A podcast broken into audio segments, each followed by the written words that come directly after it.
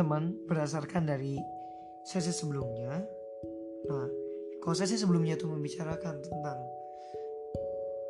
kisah Siti Maryam dan juga putranya yaitu Isa bin Maryam yang diabadikan dalam Al-Quran dan buktinya ternyata real gitu. Itu bahwasanya itu adalah kisah kun fayakun yang kuncinya ada dua.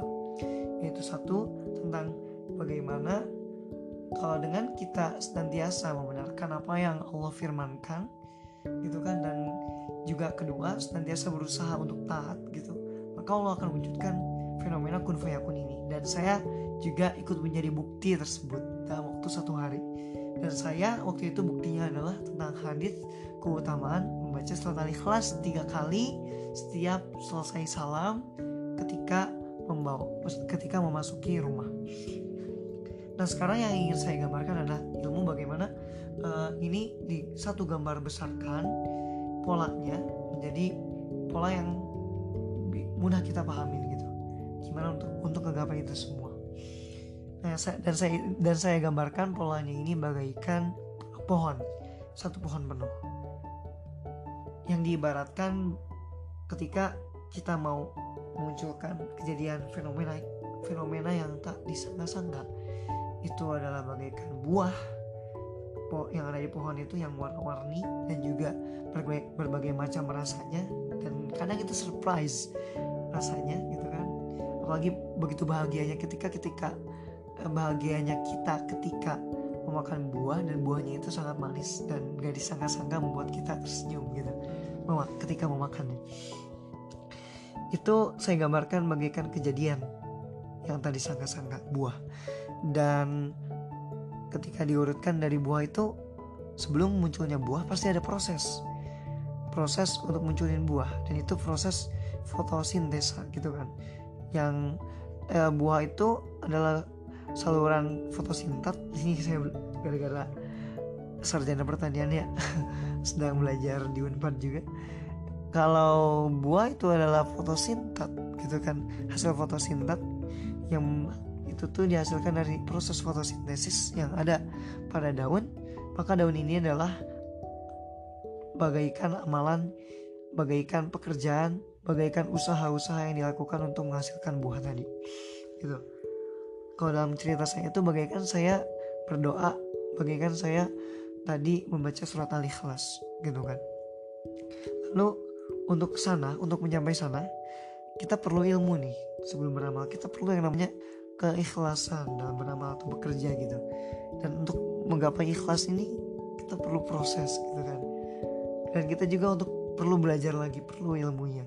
Kalau ikhlas ini saya gambarkan bagaikan batang dan ilmu ini saya gambarkan bagaikan proses yang sudah dilakukan oleh akar untuk mendapatkan nutrisi-nutrisi yang ada di dalam tanah.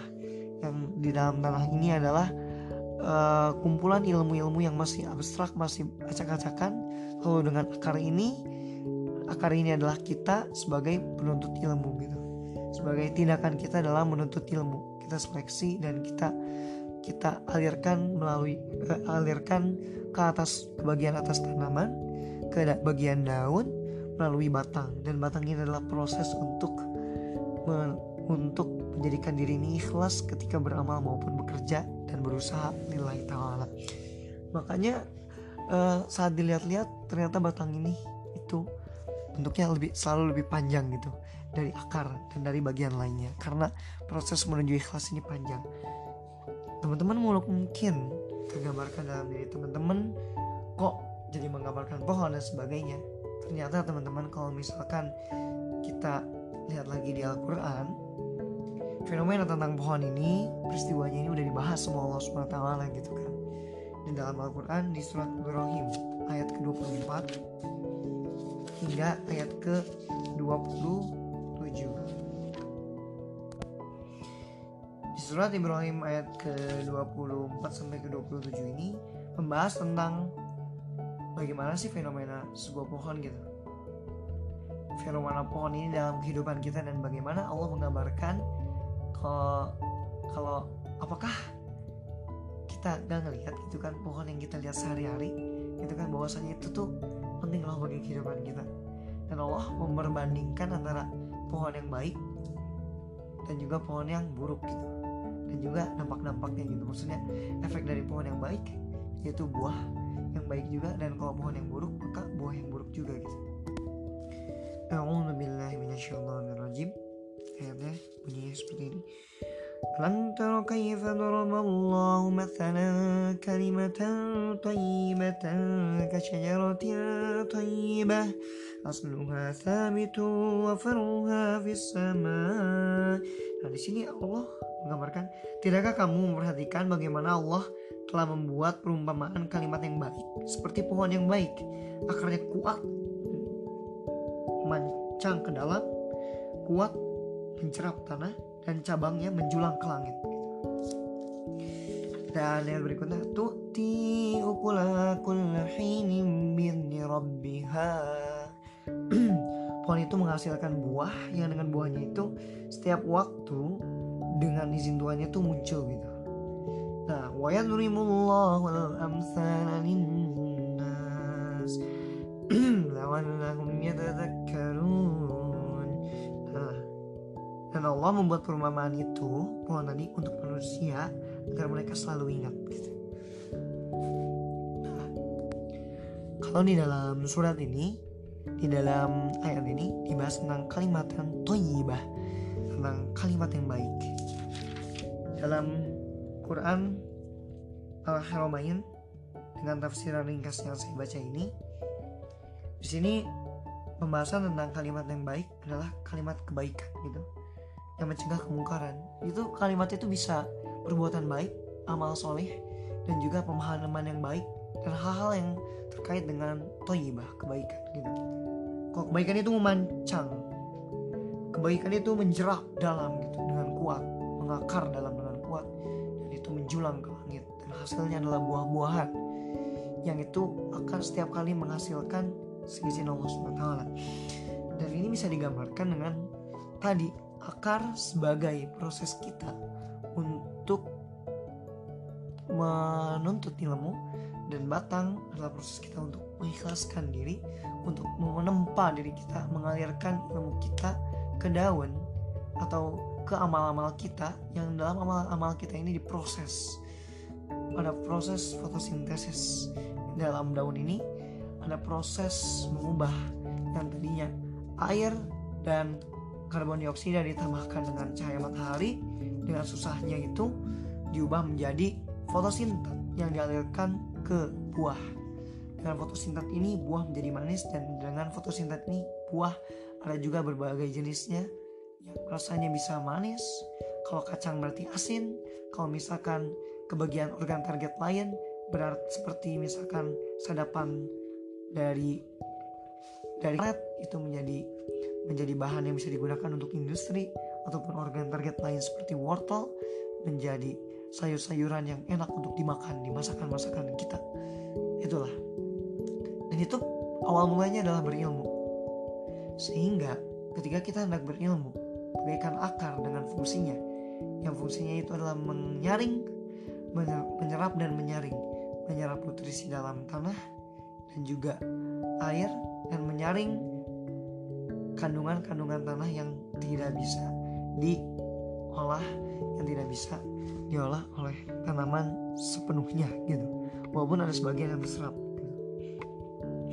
dan tadi sudah saya gambarkan seperti itulah gambarannya.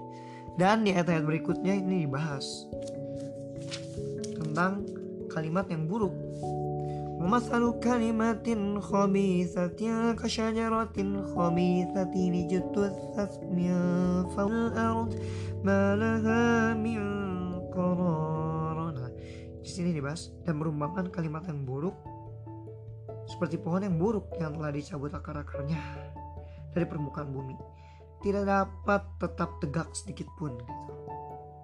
Ini perumpamaan dari Allah. Kalimat yang buruk dalam Quran ini tafsirannya adalah perbuatan buruk, kekufuran, kesyirikan, ketiadaan ilmu, kebodohan dan lain-lain. Gak ada tegak-tegaknya sedikit pun bahkan gak ada akarnya gitu. Bagaimana kalau misalkan kita nggak mau berilmu gitu kan? Tidak mau belajar itu berarti ujungnya adalah nggak ada buahnya. Nggak ada rasa rasanya manis manisnya dalam kehidupan kita. Ketika apa? Ketika kita tidak mau berilmu tidak mau berusaha untuk menjadi sebuah pohon tadi itu baru perumpamaan sebuah pohon gitu kan. Dalam ayat berikutnya disebutkan lagi Yuthabbitullahu alladhina amanu bil qawli tsabiti fil hayatid dunya wa fil akhirah wa yudillullahu adh-dhalimin wa yaf'alullahu ma yasha. Nah di sini di sini disebutkan bahwasanya Allah meneguhkan iman orang-orang yang beriman dengan ucapan yang teguh. Ucapan yang teguh ini yang dimaksud itu adalah ucapan tadi kalimatun thayyibah ilmu yang baik amalan yang baik termasuk juga keteguhan dalam bersikap keistiqomahan dan sebagainya kebaikan-kebaikan yang terarah dalam syariat Islam. Dan di sini Allah teguhkan di mana? Di dunia dan di akhirat itu jaminan Allah garansinya wa dan di sini disebutkan kalau dalam kehidupan ini Allah menyesatkan orang-orang yang zalim. Nah, siapa orang-orang yang zalim yang tadi? Yang berperilaku seperti pohon yang buruk. Dan wa yaf'alullahu ma yasha. Di sini Allah itu berbuat sesuai apa yang dia dia kehendaki gitu. Ini pasti ada prasyaratnya gitu. Yang dia kehendaki pasti ada syarat dan prasyarat. Dan Allah tadi udah nunjukin gitu syarat prasyaratnya langsung dalam ayat Al-Quran tadi. Nah itu teman-teman pola ilmu yang besarnya yang insya Allah akan terbawa terus dalam kehidupan kita. Ketika kita memandang ini semua maka hal yang paling utama adalah menanam benih. Berusaha menanam benih. Man yazra yahsud. Karena siapa yang dia menanam maka dia akan menghasilkan akan memanen gitu kan kita disuruh diminta untuk yazra atau menanam gitu kan. Bukan soal memanennya gitu. Sehingga ketika kita ingin memanen ya udah menanam gitu. Maksudnya berusaha untuk menuntut ilmu dan melakukan apa yang dilakukan oleh pohon ini. Bagaikan pohon ini. Ataupun dalam sirah nabawiyah diminta untuk berusaha bersabar. Seperti sabarnya Bilal bin Robah Bilal bin Robah tidak diminta untuk terbebas untuk bebas, untuk merdeka dengan diri sendiri. Tapi bila bin Robah diminta untuk bersabar dahulu ketika Bilal bin Robah disiksa oleh kaum kafir Quraisy saat beliau masih menjadi budak, saat Bilal bin Robah menjadi insan yang teguh, yang diuji keimanannya di tengah padang pasir, yang saat itu dipaksa untuk kafir, yang saat itu Bilal bin Robah ketahuan keimanannya, yang saat itu Bilal bin Robah karena ketahuan keimanannya oleh tuannya yang tuannya ini kafir maka seketika itu juga Bilal bin Robah diminta tuannya untuk kafir. Dipaksa Bilal bin Robah, Bilal bin kafirlah kamu atau kamu akan saya siksa gitu kan di tengah padang pasir. Bilal bin Robah hanya menjawab ahadun ahad ahadun ahad. Bilal bin Robah hanya menjawab bahwasanya aku hanya menyembah Allah SWT Tuhan semesta alam satu gitu kan? Bilal bin Rabah Bilal bin Rabah menyatakan ahadun ahad. Kokoh dengan pendiriannya? Allah yang maha satu. Hanya Allah lah yang saya yakini dan hanya Allah lah yang saya yang saya jadikan tempat mengeluh tempat meminta pertolongan artinya Bilal bin Rabah walaupun budak saat itu dengan beraninya bilang seperti itu karena keteguhannya inilah Bilal bin Robah disiksa. Saat itu Bilal bin Robah disiksa di tengah padang pasir ditindih dengan batu yang lebih besar daripada tubuhnya. Di sana Bilal bin Robah disiksa dan masih tetap dipaksa untuk tetap mengatakan wahai Bilal katakanlah bahwasanya kamu iman kepada Allah Uzza gitu kan karena kalau kamu tidak mengatakan itu maka akan tetap kami siksa gitu. Tapi Bilal bin Robah tetap teguh namun para sahabat Nabi yang melewatinya itu masih lemah ya ya masih yang belum bisa maksud saya yang belum bisa membebaskan Bilal bin hanya bisa bilang bersabarlah wahai, wahai Bilal gitu. Sampai suatu ketika kesabaran ini membuahkan, membuahkan hasil. Allah SWT mengirimkan Abu Bakar As-Siddiq untuk menemui Bilal bin Robah melalui tuannya dan membujuk tuannya untuk menebus Bilal bin Robah berapapun harganya. Dan, dan di sanalah puncaknya pertolongan Allah. Akhirnya Bilal bin Robah dibebaskan. Itu dia kisah sirohnya dikabulkan dikabulkan polanya bagaimana? Bilal bin Robah sebelumnya tahu ilmunya. Bahwasanya Allah lah yang maha penolong. Allah lah Allah lah yang maha pemberi segala sesuatu dan Allah lah yang akan mewujudkan segala hal yang tidak mungkin pada masa itu.